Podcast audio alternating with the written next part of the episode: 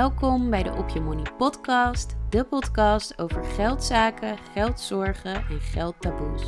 Ik ben je host, Jonelle Talks Money, een money mindset coach die je helpt om financiële en innerlijke rijkdom te creëren in je leven en zo je beste zelf te zijn op financieel vlak, maar ook daarbuiten. Een goede relatie met jezelf is de basis voor een goede relatie met geld. Daarom bespreken we in deze podcast niet alleen de financiële kant, dus het leren investeren, het kijken naar je uitgavenpatroon en manieren om goed met geld om te gaan, maar ook hoe je je gevoel van eigenwaarde, zelfvertrouwen en zelfliefde kunt vergroten. Ik ben ontzettend blij dat je er bent, dus laten we snel beginnen.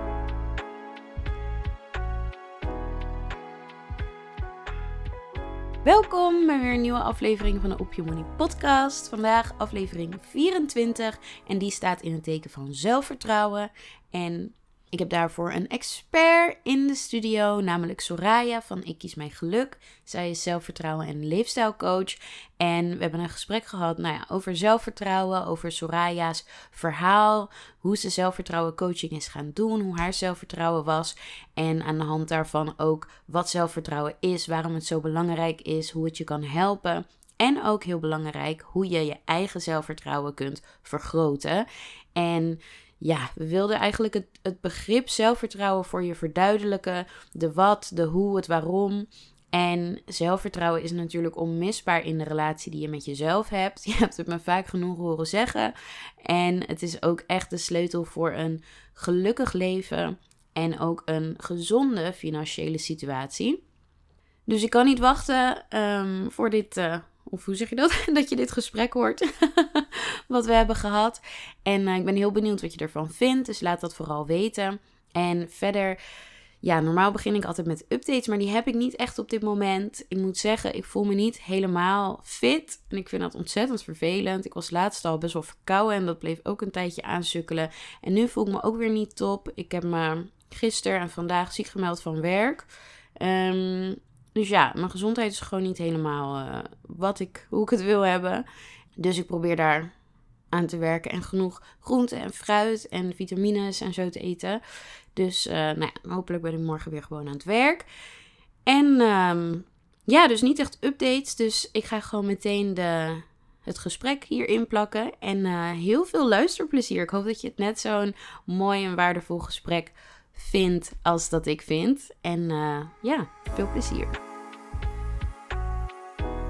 Ik heb vandaag een gast in de studio en dat is Soraya. Soraya, welkom. Hartstikke fijn dat je er bent. Dankjewel. Um, Soraya is zelfvertrouwen en leefstijlcoach en daarbij zet ze mensen in hun kracht. En dat doet ze met de kracht van positiviteit. Dus door te kijken naar wat er wel is, in plaats van kijken naar wat er allemaal niet is en wat er allemaal niet kan.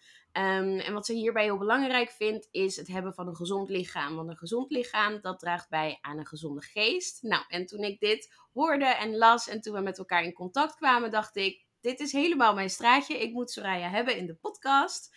Um, dus ik ben ontzettend blij dat je er bent. Wat een leuke introductie, dankjewel. ja, ik heb je net dus al een beetje geïntroduceerd, maar kan je misschien ook wat meer over jezelf nog vertellen? Ja, zeker. Mijn naam is dus uh, Soraya. Ik ben 32 jaar oud en ik kom uit Utrecht. En ik ben um, eigenlijk in het straatje van zelfvertrouwen en leefstijlcoach gerold door mijn eigen verhaal. En nu help ik dus andere mensen op basis van wat ik zelf heb meegemaakt, um, wat ik zelf heb gevoeld. Maar ook natuurlijk heb ik de opleidingen en coachingen ingevolgd om daadwerkelijk mensen in hun eigen kracht te kunnen zetten. Ik denk um, het grootste privilege in het leven is dat je jezelf kan en mag zijn. En daarin wil ik mensen 100% supporten. Dus je ziet heel vaak dat mensen bang zijn voor de mening van anderen. Of dat um, ze niet goed voor zichzelf zorgen. Maar dat wordt allemaal in hetzelfde straatje. Dus ja, daar ben ik eigenlijk voor. Um, en dat doe ik natuurlijk uh, met mijn bedrijf. Ja, mooi, mooi. En ik vind het heel goed dat je zegt van... Eigenlijk past het allemaal in hetzelfde straatje. Want dat is ook wat ik um, ondervind in mijn eigen persoonlijke ontwikkeling, maar ook in mijn coaching, wat natuurlijk wat meer gespitst is op geld. Maar weet je, de relatie met jezelf, zelfvertrouwen komt daar ook bij kijken. En ik heb het idee dat eigenlijk alles is terug te brengen naar zelfvertrouwen. Want welke actie je ook wil ondernemen, al is het uh, beter voor je lichaam zorgen, een bedrijf opzetten, beter met je geld omgaan, je moet het zelfvertrouwen maar hebben om in jezelf te geloven en om het maar te doen. Dus ik denk, ja, zelfvertrouwen is gewoon echt een van de basisdingen eigenlijk die je helpen om een goed leven te hebben. Um, Absoluut. En ik ben wel benieuwd, dat je vertelde natuurlijk meteen van, nou, ik ben dit gaan doen eigenlijk door mijn eigen ervaring. Nou, ik ben heel benieuwd, wat is dan jouw verhaal? Hoe ben je hier ingerold?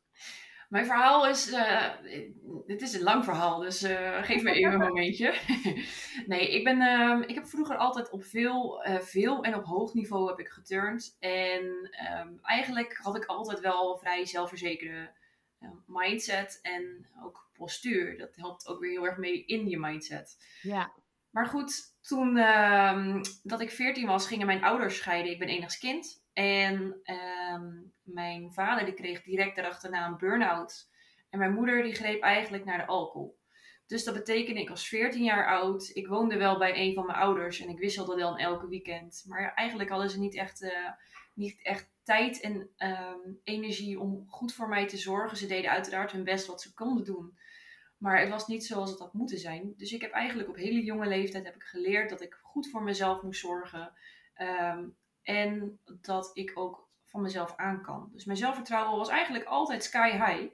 Ja. Totdat, totdat ik een keertje een sportopleiding ging doen. En um, ik vertelde al, ik turne heel veel. Dus ik turne echt wel op hoog niveau. En met de sportopleiding daarbij sportte ik zo'n 20 à 25 uur in de week. En, en op een gegeven moment kreeg ik last van mijn enkels. En um, dat hield aan. En dat werd erger en het werd erger. En mijn eerste operatie ben ik gelijk met twee benen tegelijkertijd geopereerd. Dus dat betekent dat je in zes weken ben je hulpeloos. Waarvan de eerste twee weken kon ik niet van de bank afkomen. Ja, ik wou net zeggen, inderdaad, bij de enkels, dan ja, ben je gewoon, dan kan, ja, dan kan je niks. Nee. Als ik, als ik er nu aan terugdenk hoe ik dat in godsnaam ooit heb bedacht dat dat oké is en hoe dat is gegaan, ja, dat kan, ik, dat kan ik haast niet meer plaatsen. Ja. Maar goed, ik was toen, uh, volgens mij was ik de eerste operatie, was ik 19. Um, En ja, als iemand die eigenlijk heel zelfverzekerd en, uh, uh, was en alles alleen deed, zelfstandig, was het heel moeilijk dat ik weer iemand voor mij moest laten zorgen, want ik kon letterlijk niks. Hè? Als ik naar het toilet moest, moest ik kruipend naar het toilet. Ja, um, wow. Ik kon niet koken, want ik kon niet staan de eerste twee weken. Nou, eventjes dat soort dingetjes. Maar um, de problemen met mijn enkels, die hielden maar aan en die hielden aan. En uiteindelijk ben ik nog een tweede, derde en vierde keer geopereerd aan mijn rechter enkel. En tijdens mijn vierde ehm, operatie, of voor mijn vierde operatie, kreeg ik te horen dat dit mijn laatste enkeloperatie zou zijn op deze manier. En dat ze anders zouden ze mijn, uh, mijn enkel vast moeten zetten. En dat betekent dat, die, dat ze dus je um, letterlijk vastzetten met scharnieren, dat je je enkelgewricht niet meer kan bewegen. Oh. Maar dat betekende ook dat ik niet meer zou mogen rennen en springen. Oké, okay, maar je kan dan dus wel lopen, maar niet meer rennen en springen. Nee, ik kan op dit moment ook niet meer rennen en springen. Omdat ik, Oh, ik kan het niet riskeren, omdat mijn enkels zo, uh, zo zwak zijn. Um, je moet het eigenlijk zo zien, mijn spronggewricht. Je hebt twee spronggewrichten in je enkels. En mijn bovenste spronggewricht is gebroken. Okay. En uh, daar is ruim een kwart van het stuk is gebroken. En zit nog steeds los zo in mijn enkel. Oef. En dat is het diepste punt van je enkel. Dus we kunnen het ook niet opereren. Dat risico is te groot. En um, je, je spronggewricht is eigenlijk je schokdemper in je enkel. Dus elke keer als jij een stap maakt, of als je dus rent, of als je springt, dan is het je enkel de eerste instantie waar de, waar de klap wordt opgevangen. Maar omdat dat bij mij niet kan, um, krijg je eigenlijk het idee dat bot op bot komt. En dat is heel oncomfortabel en heel pijnlijk. Mm. Dus ik kan uh, inderdaad op dit moment, het is nu um, tien jaar geleden, nee, acht jaar geleden sinds mijn laatste operatie. Maar ik kan op dit moment nog steeds niet echt daadwerkelijk rennen of springen. Ik kan het wel doen, maar dat betekent dat ik twee of drie weken lang last hou van mijn enkel. En dat is het niet waard. Nee, dat is het zeker niet waard. Jeetje, wat heftig. Ja, en goed, als je dus ineens van, uh, van 25 uur sporten in de week naar uh, niet meer sporten in de week gaat, gebeurt er niet heel veel alleen met je lichaam. Er gebeurt vooral heel veel met je hoofd. Want ik ja. identificeerde mij altijd als het meisje wat zo goed kon sporten. Het meisje wat zo goed kon turnen. Ik stond ook bekend als het sportieve meisje. En dan was ik allemaal niet meer. Want nu was ik ineens dat meisje wat niet meer kon sporten. En ik was letterlijk ehm, heel mijn identiteit kwijt. Ja. Ik raakte heel onzeker. Ik was heel erg bang wat andere mensen van mij vonden. Ehm, ik heb heel lang de overtuiging gehad dat mensen mij een aansteller vonden. Ehm, ik was daar ook heel erg bang voor, waardoor ik eigenlijk alleen maar doorliep en doorliep en erger maakte en erger maakte. En uiteindelijk ben ik echt wel zwaar diep in de put gekomen. Want ik kwam dus thuis te zitten. Ik wist niet wat, ik, wat, wat ik met mijn tijd aan moest. En ehm, uit verdriet ben ik eigenlijk gaan eten. En ja, als je ineens niet meer sport en je gaat extra eten, dan gebeurt er gewoon iets met je lichaam. En ehm, ik zeg het alsof het een prestatie is, maar het is eigenlijk gewoon diep triest. Ik ben in één jaar 25 kilo aangekomen. Zo. En op dat moment word je eigenlijk nog onzekerder over jezelf. Want niet alleen voel je je niet meer jezelf, je ziet er ook niet meer uit als jezelf. En je, je, je, je krijgt eigenlijk een soort van afkeer tegen jezelf. Ja. Ineens ben je dat stevige meisje of dat dikke meisje. Je ziet er ongezond uit. Je beweegt niet meer. Je weet niet meer wat je met jezelf aan moet. En eigenlijk dat is het begin geweest van dat ik mezelf weer helemaal opnieuw moest opbouwen. Ehm, ik heb dat zeker met hulp gedaan. Ik ben daarvoor bij een coach geweest en die heeft me geholpen met mijn zelfvertrouwen. Ehm, en het stukje afvallen heb ik wel op eigen kracht gedaan. Ik deed tenslotte een sportopleiding, dus ik had de kennis wel van eten en drinken, alleen past het zelf niet toe. En ehm, ja, jaren later ben ik dan eigenlijk hier op dit punt gekomen. En omdat ik zelf zo goed weet hoe het letterlijk voelt om zo onzeker te zijn. Hè. Ik had de gekste regels voor mezelf. Ik mocht geen t-shirt dragen, want dan kon je mijn flubberarmen zien. Ik durfde niet meer echt naar verjaardagen te gaan, bang van wat mensen van me zouden vinden. Want ja, 25 kilo zwaarder, sporten niet meer. Mensen moesten mij toch wel zwak en een aansteller vinden. Ja. En omdat ik zo goed weet hoe het voelt, ik kan het gevoel ook nog bij me oproepen. Ik, ik merk het nu ook aan mijn stem, dat het, dat, dat het nog steeds iets, uh, ergens iets met je doet. Um, maar daarom kan ik ook juist zo goed andere mensen helpen, omdat ik letterlijk in die schoen heb gestaan. En dat je je nu zo voelt, zegt niet dat je je altijd zo hoeft te voelen. Er is verandering mogelijk. Ehm, maar je doet er heel goed aan om dat samen te doen met iemand. Iemand die de kennis heeft, iemand die de ervaring heeft en iemand die je verder kan helpen. Ja, zeker. Ja, en als je met iemand daarmee, daaraan samenwerkt, um, zeker iemand die door hetzelfde is gegaan, ik denk dat dat ook heel waardevol is van coaching, dat je met iemand um, aan het werk bent die al is waar jij wil zijn, die hetzelfde heeft meegemaakt en die jou dan door dat proces heen kan leiden. Ja, absoluut. Absoluut. Weet je, kijk, er zijn bepaalde valkuilen die iedereen een keertje maakt. En een coach kan je daarvoor altijd behoeden. Veel. Als dit gebeurt, ga dan er op deze manier mee om. En het, het, is ook niet erg om in die valkuilen te stappen, want juist die fouten die je tussendoor maakt, of laat ik het even zeggen fouten, dat zijn eigenlijk de leermomenten waaruit je het meeste leert. Ja, het begint ook weer gewoon heel langzaam met, zeker als je, als je voor je gevoel gewoon geen zelfvertrouwen meer hebt, als je jezelf liever niet meer aankijkt in de spiegel, dan moet je gewoon gaan beginnen met hele kleine stapjes en dat langzaam opbouwen en uitbouwen. Ja, zeker. Ja. Jeetje, wel een heftig verhaal hoor. Kan me zeker ook, kijk, het is voor iedereen natuurlijk vervelend als je iets um, aan je enkels bijvoorbeeld hebt. Maar al helemaal wat je zegt, als je um, aan het turnen bent en daar ook een deel van je identiteit aan verleent, als dat dan wegvalt, ja, dan wat is er dan nog over, zeg maar? Ja. Um, is er voor jou een moment geweest wat een soort keerpunt was? Dus een moment na die periode dat je dacht van oké, maar het kan nu niet meer zo. Of uh, ja, gewoon een omschakeling. Ja, er is ergens op een gegeven moment is er een moment geweest dat um, ik had een hele zware zomer. We moesten onze hond laten inslapen. Twee van mijn oma's overleden. Mijn relatie ging uit die ik toen iets van drie jaar had. En ik raakte zo diep in de put dat mijn moeder mij gewoon letterlijk heeft meegesleept naar een, uh, naar een, een coach. Dit, dit gaat niet de goede kant op. Dit ging echt richting de kant van, uh, van, van depressie op. En er moest gewoon iets gaan veranderen. Ja. Um, ja, wat ik zeg, als je gewoon van jezelf letterlijk walgt, dan kom je echt op het punt dat, dat je iets moet gaan doen. Want je weet letterlijk niet meer waarom je hier bent, wat je moet, met jezelf aan moet. Want wat je wil doen, dat kan je niet meer doen. Dus wat ga je dan doen? Je, je leven voelt ineens een soort van betekenisloos. Ja, ja, precies. En hoe ben je begonnen om dat weer op te bouwen? Je zegt je hebt de hulp ingeschakeld van een coach. Hoe ging dat? Wat waren de eerste stappen? De eerste stappen ehm, waren dat we gewoon gingen kijken naar wie ik eigenlijk zelf ben. Stel dat ik op een onbewoond eiland zou gezet zou worden. Wie zou ik daar zijn? Want daar heb je niks aan, de identiteit als een sporter of hoe ik mij ook altijd identificeerde.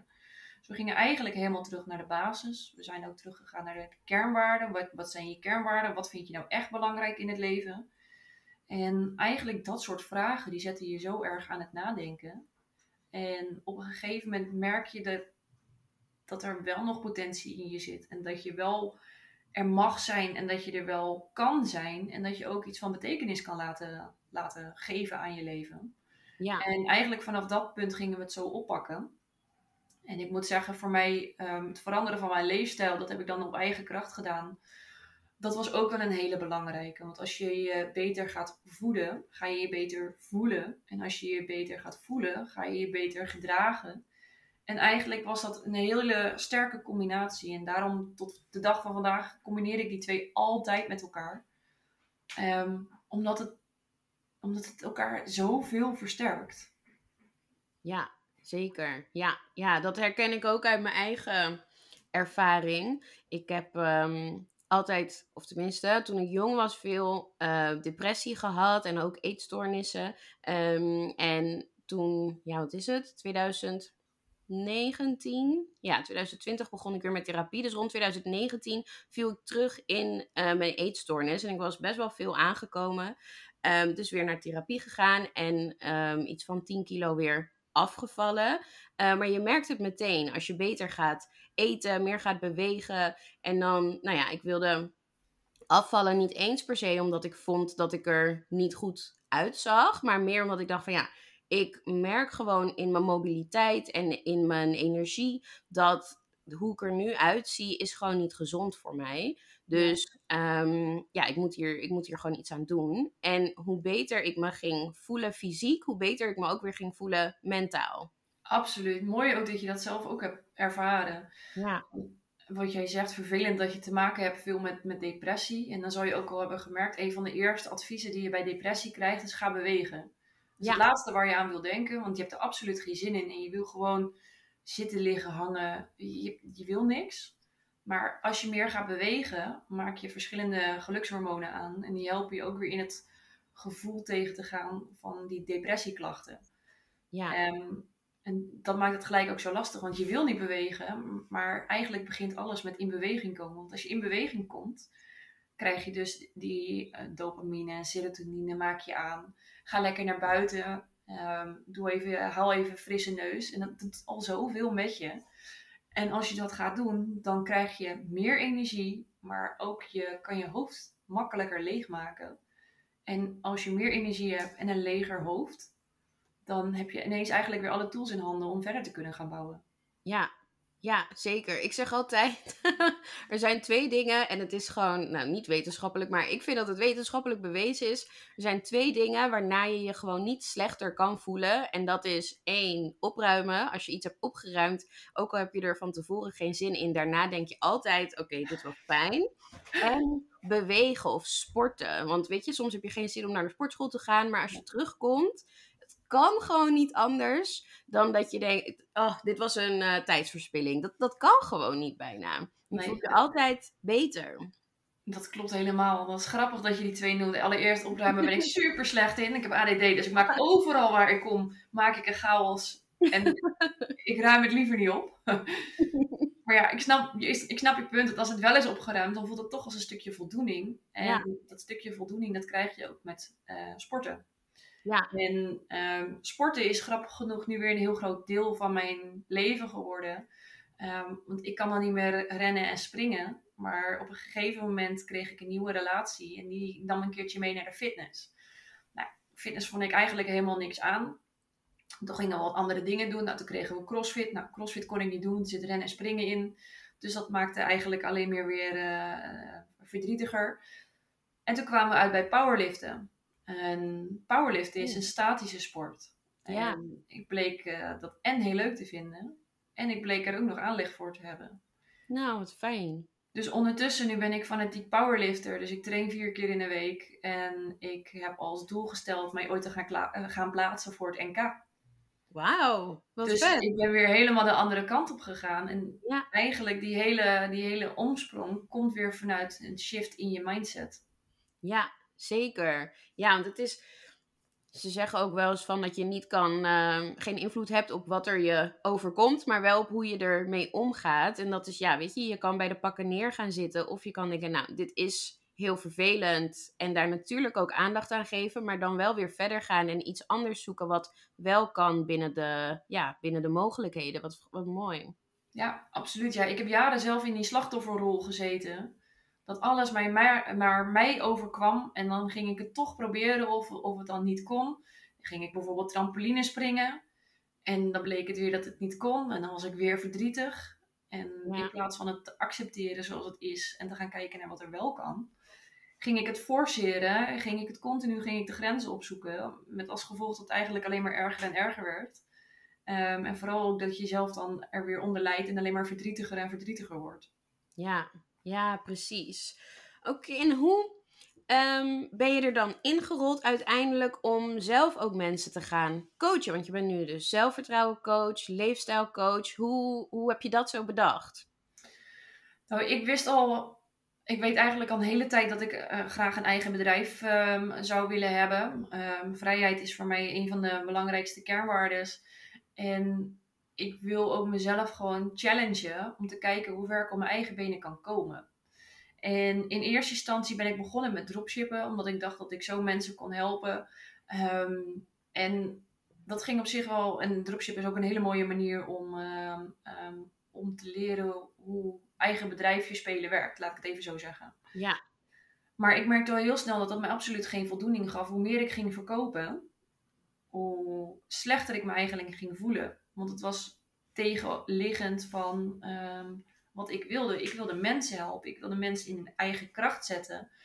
Dus toen ben ik eens heel hard en goed gaan nadenken. Dat is ergens eind vorig jaar geweest. Um, wat wil je dan nu wel? Nou, ik heb mijn sportopleiding wel afgerond. Dus ik ben bijvoorbeeld fitness geïnstrueerd. Uh, ik heb mijn fitnessdiploma. Ik heb mijn aerobics diploma. Gymnastiekdiploma. Um, dus ik ben vervolgens op opleiding leefstijlcoach gaan doen. En ik heb daarnaast gelijk eigenlijk ook een, leefst of een cursus gedaan, opleiding gedaan voor um, zelfvertrouwencoach. En dan met name op het gebied van positieve psychologie. Want daar geloof ik heel erg in. En ik denk ook dat het, ja, mis is niet het juiste woord, maar dat het anders zou kunnen aan de huidige vorm van um, psychiatrie. Is er wordt daar zo gekeken naar het verleden. En ja, het verleden is belangrijk. Je kan afleiden in het verleden wat er is gebeurd, bijvoorbeeld hechtingstijlen of iets dergelijks. Maar uiteindelijk is het nu jouw mindset, jouw gedachte, die beïnvloedt hoe jij je voelt. Ja. Dus je kan wel teruggaan naar het verleden en dan heb je misschien uh, vijf sessies ben je wezen vroeten in het verleden om te kijken wat nou het probleem echt is. Um, maar vervolgens heb je dat achterhaald en heb je je probleem nog steeds niet opgelost. Ja, ja, precies. Terwijl als je werkt aan je mindset, als je, wat jij eigenlijk ook doet, hè, jij, bent, jij bent natuurlijk ook heel erg gefocust op mindset. Ja, dan is er veel meer voor je mogelijk. Want dat brengt je vooruit in plaats van dat je eigenlijk alleen maar naar, naar het verleden kijkt. Ja, ja, precies. Helemaal mee eens. Het verleden is een goede om even naar te kijken, bepaalde dingen uit af te leiden. Het kan je soms wat um, ideeën geven van waarom dingen zijn zoals ze zijn. Maar uiteindelijk moet je gewoon verder en moet je in het heden uh, ja, bepaalde keuzes maken, bepaalde dingen doen om iets te veranderen in je overtuigingen, in je gedrag, ja. wat dan ook. Ja, het verleden kan je toch niet veranderen. Dus ja, eh, wat, wat je zelf ook zegt, het is zeker belangrijk. Want het mag er ook zijn zoals het is. Want dat heeft jou gemaakt tot de persoon die je nu bent. Ja. Dus je kan er wel naar blijven kijken, maar je kan het toch niet veranderen. Dus het mag gewoon blijven zoals het is. En als je je gedachten verandert, dan haal je eigenlijk de pijn uit de situatie. En kan je weer verder gaan bouwen en kan je kijken naar de toekomst.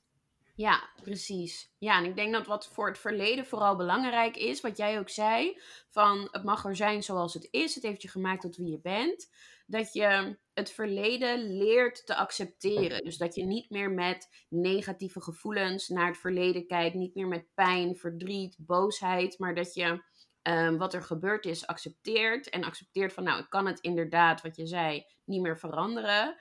Ik gebruik het om bepaalde lessen, weet je, heb ik geleerd in het verleden. Ik weet nu bepaalde dingen en ik ga dit gebruiken juist om door te gaan. Absoluut, absoluut. Ja, klopt helemaal. Mooi.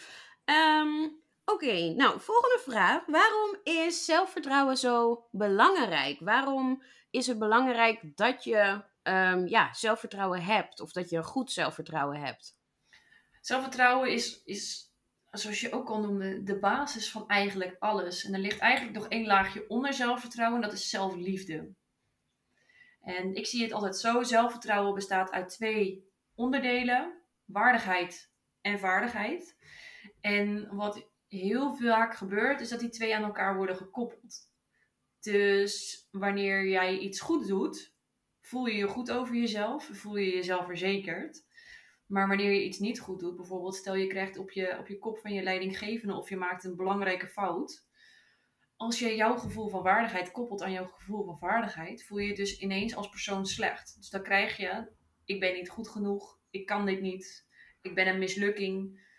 Terwijl als je die twee los van elkaar koppelt, ehm, dan kan je bijvoorbeeld kritiek ontvangen zonder dat het jou als persoon diep raakt. Tuurlijk, je vindt het nog steeds vervelend.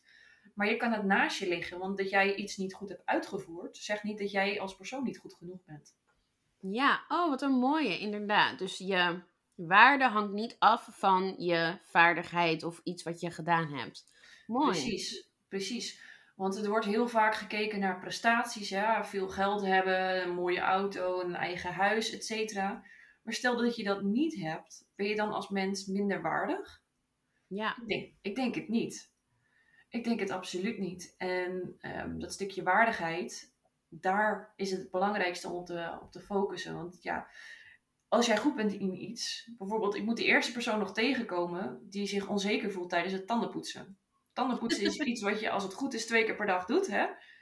Je hele leven lang. Dus ja, je bent daar gewoon goed in. Je weet hoe het moet. Het is, het is niet meer bijzonder voor jou. Dus je, hebt er, je bent er zelfverzekerd over. Maar als je dan iets nieuws moet gaan doen wat je nog nooit hebt gedaan, dan krijg je dus ineens van, oh, maar hé, hey, dat heb ik nog nooit gedaan, dus ik kan het niet. Ja. Dus dat stukje waardigheid, daar, uh, daar werk ik altijd volle bak aan. En daaronder ligt weer zelfliefde. Dus hoe ga je met jezelf om? Hoe zorg je voor jezelf? Hoe praat je met jezelf? En dat is eigenlijk de basis van het, uh, van het hele plaatje. Ja, oh, wat grappig dat je dat zo zegt ook. Want voor mij Um, ik zeg altijd, je relatie met jezelf bestaat uit drie onderdelen. Je hebt zelfvertrouwen, dus het vertrouwen dat jij, nou ja, dingen kunt. Je hebt je eigen waarde, dus het uh, idee dat jij een waardig persoon bent. En je hebt zelfliefde, en dat is dat je jezelf lief hebt en accepteert zoals je bent. En ook weer die drie elementen, die waardigheid, zelfvertrouwen, zelfliefde, komt ook weer terug bij jou. Ja, ja. interessant. Ja, klopt helemaal. Ja, daar, daar begint het gewoon mee. Ja, ja, zeker. En um, nou, je hebt heel erg die focus op dat positieve. Waarom vind je dat zo belangrijk? Dat je op het positieve focust? Want eigenlijk, zeg maar, elk mens heeft positieve eigenschappen, maar ook weer wat negatieve eigenschappen of dingen waar ze niet blij mee zijn. Um, en die, ja, die zijn er wel. Waarom zou je dan zo focussen op het positieve? Omdat wat jij aandacht geeft, dat groeit. En als je blijft kijken naar negatieve dingen, gaat dat voor jezelf groeien. Terwijl als je kijkt naar positieve dingen, dan gaat dat juist groeien. En um, als mens zijn heb je eigenlijk een beetje de 80-20 regel. Dus jij hebt 80% goede eigenschappen en 20% slechte eigenschappen. Maar je ziet bij jezelf, zie je eigenlijk alleen die 20%. Ja. Terwijl bij een ander heb je ook de 80-20 regel. Bij een ander zie jij 80% goede eigenschappen en 20% slechte eigenschappen. Ja, dus net andersom ja, je ziet het andersom. Terwijl het eigenlijk, iedereen die heeft 80% goede eigenschappen en 20% slecht. Of ja, wat is eigenlijk een slechte eigenschap? Want vaak als je het omdenkt, is een slechte eigenschap ook geen slechte eigenschap. Bijvoorbeeld, ik vind perfectionisme een, een hele ehm, slechte eigenschap, maar er kunnen ook goede dingen uitkomen. Ja. Dat betekent ook dat je altijd streeft naar een hoge kwaliteit van werk afleveren, bijvoorbeeld. Um, je moet alleen zorgen dat je niet zelf bezwijkt onder de druk die je oplegt.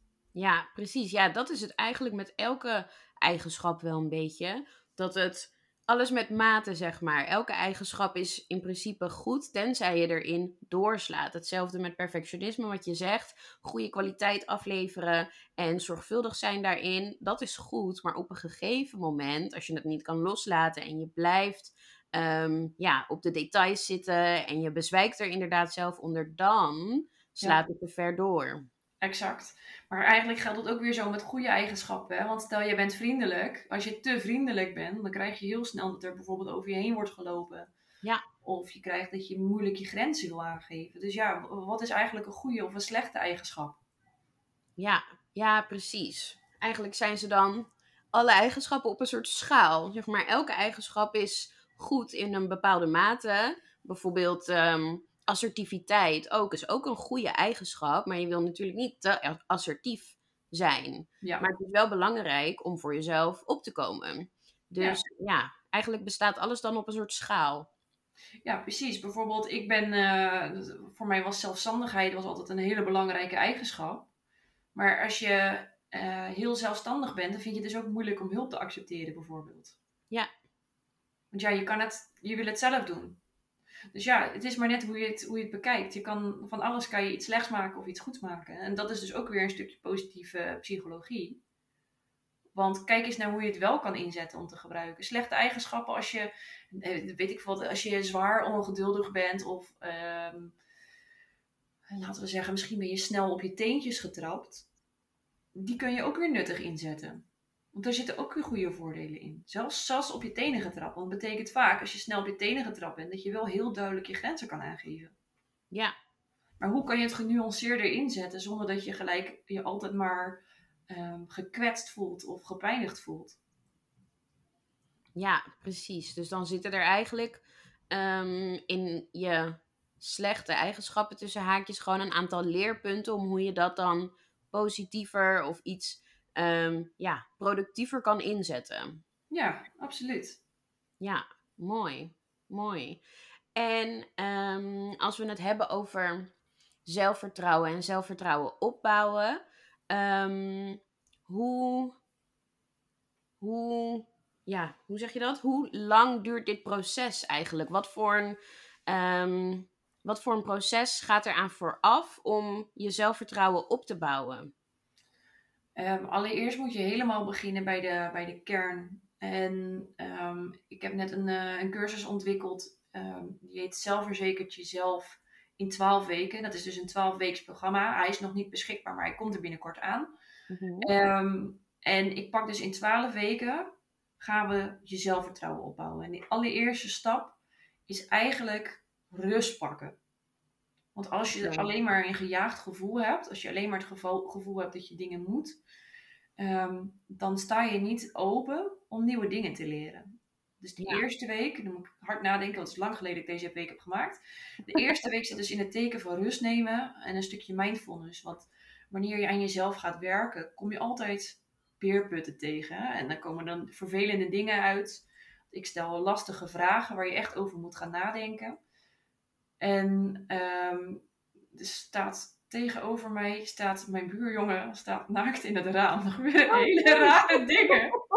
Ik weet niet wat hier gebeurt. Oké. Oké, hij is weg. We zijn helemaal goed. Oké. Goedemorgen. Goed. We zijn er weer. Nou, hè? dan krijg je ook een stukje ADD direct afgeleid. Um, even nadenken, waar had ik het over? Ah ja, even je rust pakken en je focus pakken. Dus wanneer je jezelf gaat werken, kom je altijd dingetjes tegen die heel erg intens zijn. En ehm, als je dan op een momentje voor rust pakt, gewoon weer even bijvoorbeeld terug naar een ademhalingsoefening of een mindfulness oefening, of al is het eventjes buiten een kwartiertje lopen, dan kom je weer terug naar je basis, merk je dat je veel rustiger bent en dan kan je weer verder. Dus daar begint het eigenlijk mee en dan krijg je de volgende stap. Dat zijn je kernwaardes. Want wie ben jij als persoon? Wie ben jij in je diepste laag? Want je weet vaak de dingen die je leuk vindt aan jezelf. Of de dingen die je bijvoorbeeld, als ik jou vraag wat is je favoriete eten? Dan weet je dat direct. Maar de meeste mensen, als je aan die vraagt, wat zijn jouw kernwaardes? Dan staan ze je aan te kijken, kernwaardes? Ja. En juist jouw kernwaarden, jouw kernwaarden bepalen jouw overtuigingen. Jouw overtuigingen bepalen jouw gedachten. En je gedachten bepalen je gedrag. Dus zo heb je een heel riedeltje. Ehm, dus ja, het begint eigenlijk allemaal in de basis bij kernwaarden. En gemiddeld zo'n transformatie, ehm, ja, ik vind 12 weken toch wel de minimum. Want een gedragsverandering duurt minimaal 6 weken. Maar je wil niet alleen je gedrag veranderen, je wil ook focussen op dat het veranderd blijft. Ja, zeker. Dus vandaar, uh, ja, ik zou zeggen 12 weken op zijn minst.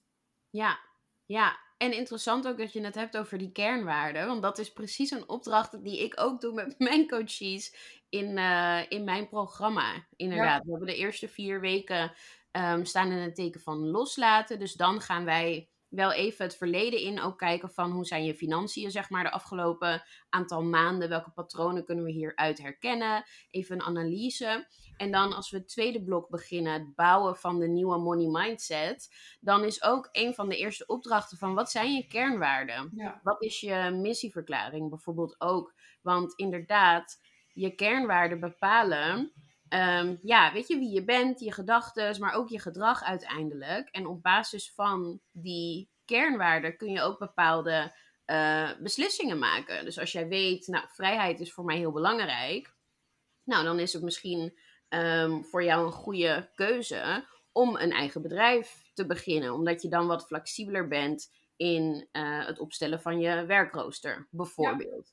En als um, ja, loyaliteit of uh, vriendschap voor jou heel belangrijk is, nou dan is het misschien een slimme financiële keuze om um, een potje te maken voor cadeautjes. Want je houdt ervan om je vrienden cadeautjes te geven, weet je. Dus um, het geeft zoveel inzichten in wie je bent en ook waar je naartoe ja, wil. 100%. Hallo? Oh ja, hij was eventjes een beetje bevroren. Oh. Volgens mij zijn we er weer. Ja, dat denk ik ook. Ja. Super. Even kijken, waar waren we? Ja, kernwaarden. nee, kernwaarden. Want wat zijn jouw belangrijkste drie kernwaarden? Um, nou, ik vind sowieso vriendschap heel belangrijk. Vriendschap en ook gemeenschap. Um, daarnaast vrijheid en loyaliteit. Dat oh, zijn mooi. voor mij, uh, ja. Ja, dat, zegt, dat is grappig, want dat zegt ook gelijk heel veel over jou als persoon. Ja. Ja. Mooi. Ja, en jouw kernwaarden? Mijn belangrijkste drie zijn vrijheid, gezondheid en uh, plezier. Mooi. Ja. Ja. Ik vind plezier heel, heel belangrijk. Kijk, ik denk dat uiteindelijk in het leven streeft iedereen naar een gelukkig leven. Dat, dat is voor iedereen eigenlijk de main goal in het leven. Alleen hoe dat ingevuld is, dat is verschillend. De een die wil per se miljonair zijn en de ander die, die, die vindt het helemaal te, prima als die off the grid uh, zelfvoorzienend kan leven, laat ik eventjes iets noemen. Ja.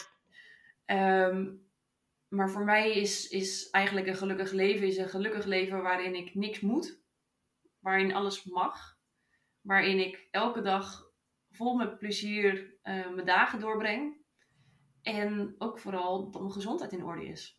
Dus dan kom je Ja. toch weer even, even, terug naar dat stukje leefstijl. En ehm, ehm, eigenlijk dat besef heb ik ook pas gekregen sinds het hele gedoe met mijn enkels.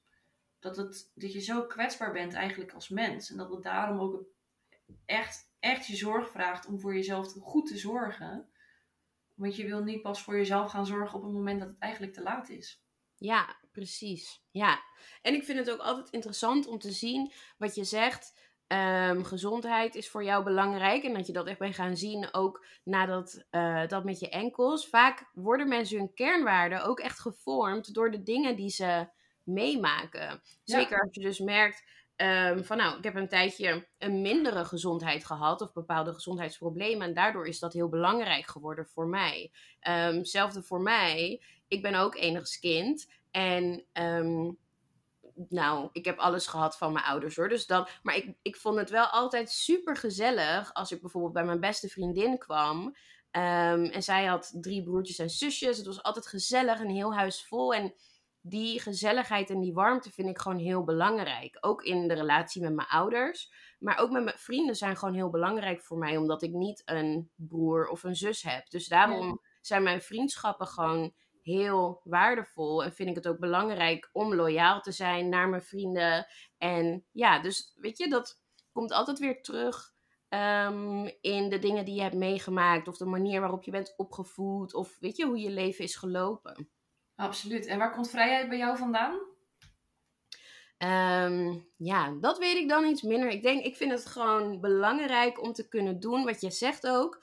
Wat ik wil. Niks moet, alles mag. Mensen in hun waarde laten ook. Iedereen gewoon lekker zijn ding doen. Lekker ehm, ja, de dingen kunnen doen die je leuk vindt, waar je van geniet. Ehm, ik vind dat heel belangrijk. Ik weet niet zo goed waar, waar ik dat heb opgepikt. nee, grappig is dat, ja. Ja, bij mij is het denk ik voornamelijk gekomen uit die hele coronaperiode. Dat er, dat er zoveel oh, regels waren dat je dingen niet meer mocht. En ik ben bijvoorbeeld niet gevaccineerd omdat ik vind dat mijn lichaam gezond genoeg is dat het zelf uh, um, eventuele issues moet kunnen op, uh, oplossen. Ja. En ineens mocht ik niet meer naar een restaurant. Ineens mocht ik niet meer naar de sportschool. En ja, je werd als het ware als een soort van persoon werd je buitengesloten. Ja. En dan ga je nadenken. En dan denk ja, eigenlijk is dat stukje vrijheid wat je wordt afgenomen. Dus er werd verteld hoe laat je thuis moest zijn. Er werd verteld hoeveel mensen je mocht zien. En dat, dat werkt gewoon voor mij niet. Ik, ik wil dat gewoon zelf kunnen bepalen. Juist. Ja, zelf die, um, hoe zeg je dat? Dat eigenaarschap hebben over wat je wil, wil doen. Ja, het is, het is mijn leven. Waarom zou ik iemand anders mijn regels laten bepalen? Precies. Ja, het is wel grappig. Nu ik er iets verder over nadenk, denk ik wel dat ik weet waar die vrijheid vandaan komt. Mijn ouders die zijn namelijk allebei uh, christelijk en best wel, um, nou niet per se streng, maar gewoon erg gelovig. En um, toen ik nog thuis woonde, zeker, ik ben eigenlijk best wel altijd een rebelse tiener geweest. een rebelse Ja, ik wilde uitgaan bijvoorbeeld en um, muziek luisteren met scheldwoorden erin en weet ik veel. Um, en dat onschuldige dingen, maar... Ja, en Dat, dat, dat mocht dan niet. En ik weet nog toen ik 16 werd en al mijn vriendinnen mochten uit. Nou, er was wel een hele discussie en uiteindelijk mocht ik wel uit. Maar um, ja, ik heb dat toch um, zeker in mijn jeugd soms het idee gehad van... Oh, ik kon niet helemaal mezelf zijn altijd. Of tenminste, ik ben gewoon niet... Ja, ik ben gewoon een beetje wilder dan mijn ouders. Dus dat... Um, ja, dat heeft er altijd wel in gezeten. En dat was in mijn jeugd dus een beetje... Werd dat een beetje... Um, ja, hoe zeg je dat? restricted. Ik ja. uh, kan even niet het Nederlands woord bedenken. Ja, belemmerd, een beetje tegengehouden. Ja, ja. Ik denk, op zich is dat ook niet slecht, hè? Ik bedoel, als kind zijn, van kind naar uh, tiener, krijg je allemaal zo'n fase dat je denkt dat je de hele wereld al aan kan.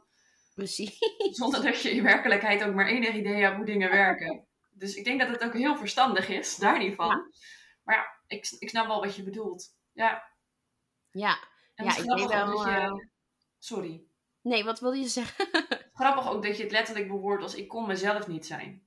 Ja, ja, zo voelde dat echt wel. Want ja, je bent natuurlijk in je puberteit, weet je, dan voel je alles heel extreem. En wat ik zei, ik had ook wat um, mental health issues. Dus ik zat sowieso niet heel lekker in mijn vel. En dan had ik bijvoorbeeld, om maar wat te zeggen, uh, ik kon me heel erg relaten aan Eminem. Dat was toen mijn favoriete, favoriete rapper. Maar ja, er is geen nummer van hem waar hij niet honderd keer uh, een scheldwoord gebruikt.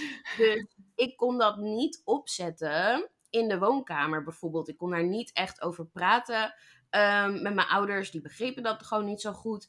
En ja, dat voelde dus wel alsof ik niet echt mezelf kon zijn. Want op dat moment was dat voor mij heel belangrijk, weet je. En dan kon ik me echt vinden in die muziek. Oh, heerlijk. Maar ik kon dat niet uiten. Ja. En ik denk dat ik het daarom gewoon heel belangrijk vind nu om dat wel te kunnen uiten. En dat andere mensen dat kunnen uiten. En dat je gewoon lekker jezelf kan zijn, kan doen um, wat jij wil. Je eigen regels bepalen, wat jij net zei. Um, en het grappige is wel, nu ik ouder ben en ik ben best wel vroeg uit huis gegaan, ook op mijn zeventiende, 17, nee, om mijn achttiende ging ik samenwonen met mijn ex toen. Dat was ook eigenlijk een soort paniek van ik wil uit huis. Ik wil uit huis, laten we gaan samenwonen. Het gaat vast goed. Nou, dat ging niet goed, maar maakt niet. Heel ander gesprek. Ja, precies. Nee, maar sindsdien, sinds ik dus wel zeg maar mijn M&M of eh, mijn, eh, weet ik veel, Netflix-series met een seksscène hier en een scheldwoordje daar gewoon op kan zetten en wat meer mezelf kan zijn in mijn eigen ruimte, Ja. ehm, is de relatie met vooral mijn moeder, met mijn ouders, veel beter geworden. Omdat ik kan gewoon lekker mezelf zijn. Als ik bij mijn ouders ben, nou weet je, dan eh, gedraag ik me gewoon respectvol. Dan scheld ik bijvoorbeeld niet. En dan ga ik ook niet M&M opzetten bij hun in de woonkamer. Maar ik kan dat wel doen in mijn eigen space. Dus ik Ja. heb gewoon de ruimte om mezelf te zijn. En ehm, ja, daardoor is de relatie met mijn ouders gewoon veel meer verbeterd. ja, mooi. Dat herken ik wel, ja. Beetje, nou niet per se off-topping. Nee, nee, het is niet off topic. Want het, benadrukt eigenlijk alleen maar hoe belangrijk het is dat je jezelf kan en mag zijn. Ja, zeker. En daar speelt zelfvertrouwen natuurlijk ook weer een rol in. Je moet maar net het zelfvertrouwen hebben om niet ehm, ja, je te laten leiden door anderen. En te zeggen van, nou, weet je, ik ben zo en ik vind dit leuk om te, om te doen. Dus ik ga dat gewoon doen. En wat jij ervan vindt, dat uh, ja, boeit me niet. Nou, is een beetje Precies. ongenuanceerd. Maar dat is wel waar het op neerkomt eigenlijk. Ja. ja, maar dan kom je eigenlijk weer op dat stukje de, ja, ownership van je eigen leven. In jouw leven bepaal jij als het ware de regels. Ja. Niet iemand anders. Je hebt maar één leven. Waarom zou je iemand anders jouw regels laten bepalen? Ja. En dat betekent niet dat je, laat ik het even grof gezegd, scheid moet hebben aan anderen. Je kan ook rekening houden met hun gevoelens. Maar je moet niet jezelf daarin voorbij lopen. Je moet Ja. eigenlijk weten hoe je jezelf je eigen grens kan ehm, hanteren. En tegelijkertijd je niet laten bezwijken onder de druk van anderen. Ja, de mening Ja, van anderen. Precies. Je kan het in de ogen van anderen toch niet goed doen, hè? Bijvoorbeeld dat ik zoveel sportte. eh kreeg ik heel vaak te horen, ja, ga je wel zoveel trainen, want je, je, je ziet er niet uit. Je bent alleen maar bezig met sport en het is geen leven. Toen raakte ik eh, dik, of toen werd ik dik. Toen hoorde ik alleen maar dat ik ongezond was en dat het ook niet goed was. Toen ging ik die 25 kilo, ben ik ook weer allemaal afgevallen. Toen kreeg ik te horen dat ik te mager was. En nu doe ik heel veel aan krachttraining en nu krijg ik te horen dat ik er als een man, eh, als ik te veel ga doortrainen, dat ik er als een man uitzie. Dus Ja, je kan het nooit goed doen. je kan het nooit goed doen. Je kan het toch nooit goed doen. Waarom zou je het nog blijven proberen? Ja, precies. Zeker. Oké, laten we een beetje naar de afronding toe gaan. Als je nou luistert en je denkt van oké, ik wil mijn zelfvertrouwen vergroten. ehm, wat zijn dan de dingen die je doet? We hebben het al gehad. Je zei de eerste week rust hebben is belangrijk. Ehm, je kernwaarden weten of onderzoeken is belangrijk. Wat zijn nog meer praktische dingetjes ehm, ja, die je kunt toepassen om aan je zelfvertrouwen te werken? Het belangrijkste is eigenlijk dat je hulp inschakelt. En dat hoeft niet per se één op één coaching te zijn. Maar er zijn bepaalde manieren, eh, bepaalde vragen die jou tot nadenken zetten. En als je daarover gaat nadenken, dan ontdek je weer een hele hoop dingen over jezelf. Bijvoorbeeld eh, met mijn bedrijf, ik kies mijn geluk. Ik vind het heel belangrijk dat iedereen aan zijn zelfvertrouwen kan werken. Ongeacht hoeveel budget je daarvoor beschikbaar hebt. Kijk, ik hoef niet uit te leggen dat een, een gratis e-book dat dat een andere prijs heeft als een één op één traject. Dat is logisch. Ja. Maar ongeacht jouw situatie vind ik wel dat je het verdient om jezelf te mogen zijn. Ehm, en daarom bied ik bijvoorbeeld een gratis e-book aan. Ik heb een werkboek met daarin heel veel eh, vragen. En dat werkboek ehm, is nu voor de tweede keer gedrukt, omdat de eerste keer binnen no time verkocht was. Mooi. En ik ben nu dus bezig met die cursus ontwikkelen. En dan ga je een stapje verder, want in een werkboek, dat is één. Ik weet niet of je het ziet, maar ondertussen is mijn kat bij me komen te staan. En die staat echt... Net zoals de vorige keer. maar ehm, in de cursus ga je eigenlijk alweer een stapje dieper. Maar het voordeel van zo'n werkboek en zo'n cursus is dat je op je eigen tijd, wanneer jij daaraan toe bent, kan bepalen wanneer je aan de volgende stap gaat. Ja, En in een één op één traject kom je eigenlijk in een soort van stroomversnelling. Want dan gaat het veel, veel sneller, veel natuurlijker, omdat je kan sparren met elkaar. ja, In een Ja. sessie van een uur kan je al hele waardevolle inzichten krijgen. ja. Ja, dus je moet eigenlijk hulp inschakelen op een manier die voor jou past. Ook binnen je budget, maar misschien ook waar je bent, zeg maar, in het leven. Misschien heb je niet de tijd en ruimte voor een één op één traject, maar gewoon op een manier hulp inschakelen. Ja, klopt helemaal. Ja. En ja, het begint, het begint eigenlijk allemaal belangrijkste dingen is inderdaad jouw ehm, je gevoel van waardigheid aan te werken. Mhm. Dus je stukje zelfliefde. Dus een andere manier tegen jezelf spreken. In plaats van dat je alles afkeurt van jezelf. Moet je eigenlijk tegen jezelf spreken. Alsof je tegen je beste vriendin spreekt. Dat heb, je, heb je vast wel eens vaker gehoord. Als jouw beste vriendin ehm, in, een, in een drukke winkelstraat struikelt. Dan zou je misschien in eerste instantie zou je eventjes lachen. En dan help je je overeind. En dan zeg je, ah joh, kom op, niemand heeft het gezien. En dan ga je verder. Ja. Maar als je het zelf doet, dan bekritiseer je jezelf vaak. Van, kijk nou sukkel wat je hebt gedaan. Iedereen kijkt naar je. Iedereen vindt jou stom. En daar komt ook dat stukje plezier in. Ik vind de humor en plezier sowieso heel belangrijk. Want je mag best hier om gniffelen. Van, oh wauw, ik ben onderuit gegaan in een drukke winkelstraat. Kijk nou. Dan Ja. maak je er een grapje van. Kan je, leg je het naast je neer en kan je weer verder. Terwijl als je dus jezelf naar beneden blijft brengen. ehm, door jezelf gewoon af te keuren. Want dan kom je alleen maar lager en lager in je energieniveau. Maar ook in je geluksgevoel.